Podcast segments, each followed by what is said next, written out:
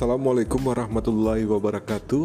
Uh, Pendengar podcast uh, pada episode pertama ini Saya ingin menceritakan pengalaman saya uh, di masa pandemik ini uh, Masa COVID-19 yang terjadi seluruh dunia. Mulai ya, sedangkan saya bertempat tinggal di Padang, Sumatera Barat dan semenjak terjadi corona saat terakhir saya berangkat dari selesai kerja pada tanggal 6 Maret 2020 saya terbang dari Kuwait ke Jakarta dan Jakarta ke Padang itu dan sampai saya pada tanggal 7 Maret 2020 nah sedangkan corona sudah hangat-hangatnya pembicaranya dari awal Januari 2020 yang terjadi di Wuhan, Cina. Dan ini adalah wabah yang sangat mengerikan uh, sepanjang sejarah kemanusiaan uh, karena uh, sangat sangat uh, berisiko sekali pemindahannya dan proses penebarannya juga sangat cepat sekali dan sangat sensitif dan berimpact kepada ekonomi, budaya maupun perjalanan-perjalanan dan seluruh segi bisnis juga berdampak dan terutama yang uh, pada garis-garis uh, ekonomi level di bawah sangat terasa sekali. Nah, saya mau menceritakan setelah uh, saya sampai pada 7 Maret 2020 uh, saya baru uh, berangkat lagi kerja hampir enam bulan di rumah. Nah, yang mau saya ceritakan pengalaman selama enam bulan adalah uh, sebenarnya saya bekerja di perminyakan di pengeboran, tepatnya di Kuwait dengan proyek uh, Kuwait Oil Company dan saya bekerja di bawah perusahaan Trinidad Drilling International atau uh, Ensign Energy karena sedang bergabung. Uh, ini adalah perusahaan Kanada. Kemudian uh, saya juga uh, ingin menceritakan bahwasannya uh, dampak dari corona ini yang harusnya saya bekerja empat minggu kerja empat minggu libur uh, saya terpaksa hampir libur selama enam minggu. Dan pada tanggal uh, 15 uh, Agustus 2020 saya diberikan tiket lagi uh, oleh kantor kantor saya yang atau Ensign Energy Trinidad untuk berangkat lagi menuju Kuwait. Tetapi ada beberapa syarat yang harus uh, dilalui sebelum menempuh perjalanan uh, ke Kuwait. Pemerintahan Kuwait membuat kebijakan bahwasannya semua orang-orang yang akan memasuki Kuwait wajib dikarantina dulu 14 hari di satu negara. Uh, kemudian keputusan dari uh, kantor saya atau Trinidad Ensign Energy memutuskan saya harus melakukan karantina selama 14 hari di Dubai. Setelah itu mereka melakukan proses visa, visit visa, turis selama dua bulan dan terbanglah saya pada tanggal 15 Agustus dan sampai pada tanggal 16 Agustus 2020 di Dubai. Tepatnya tepatnya saya di Sarja, ini adalah hari yang ke 15 15 hari. Uh, tadi pagi saya melakukan uh, PCR test lagi.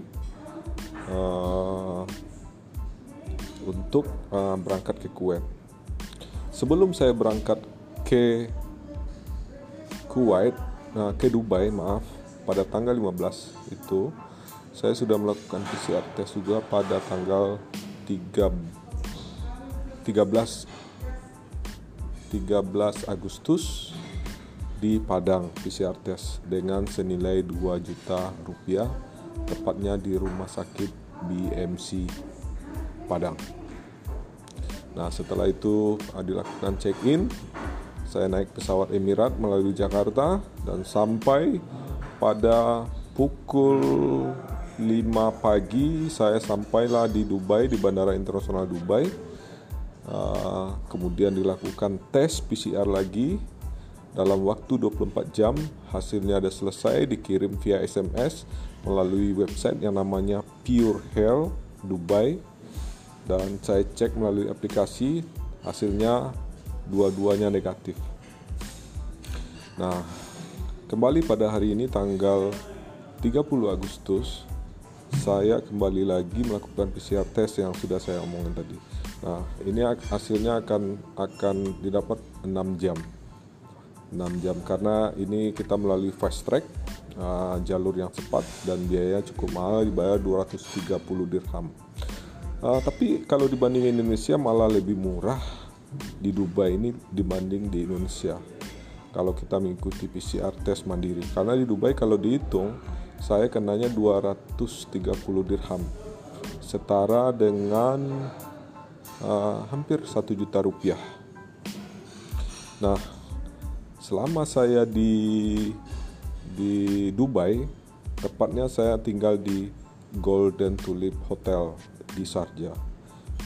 Dan setiap hari saya melakukan aktivitas lari-lari pagi, siang, kemudian jalan sekitar mall pada siang hari dan hingga sore hari juga saya melakukan ya layaknya turis. Uh, macam-macam swalayan dan sekitar pantai.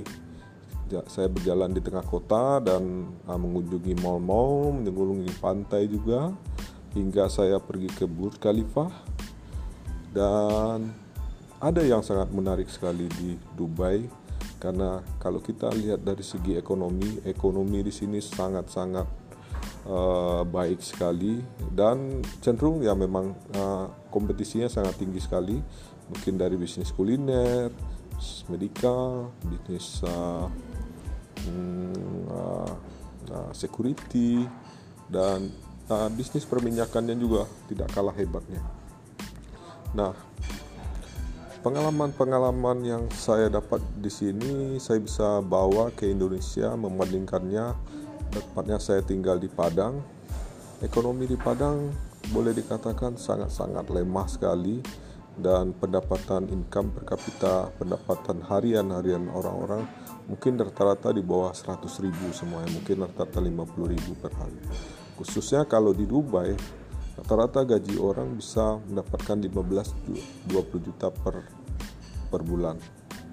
Nah ini boleh dikatakan uh, sangat jauh beda sekali dengan Indonesia uh, dan tingkat kepatuhan ketaatan orang-orang yang tinggal di Dubai uh, sangat patuh sekali sama pemerintahan uh, UAE Tentunya dari segi apa? Contohnya mungkin dari segi kebersihan, uh, kebersihan uh, pantai, kebersihan jalan, dan rata-rata semuanya efeknya diberikan sanksi dan hukuman jika ada yang melakukan pelanggaran.